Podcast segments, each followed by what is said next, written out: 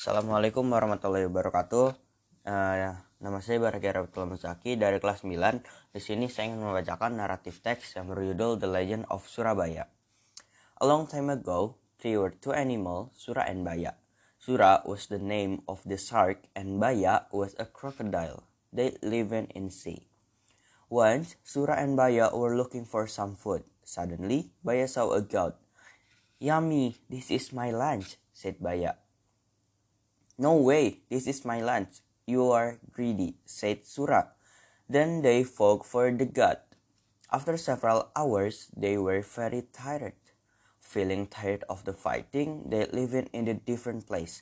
Sura lived in the water, and Baya lived in the land. The border was the beach, so they would never fight again. One day, Sura went to the land and looked for some food in the river. She was very hungry and there was no much food in the sea.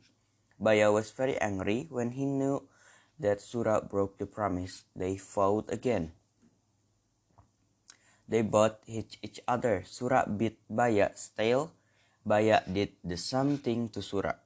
He beat very hard until Sura finally gave up and went back to the sea.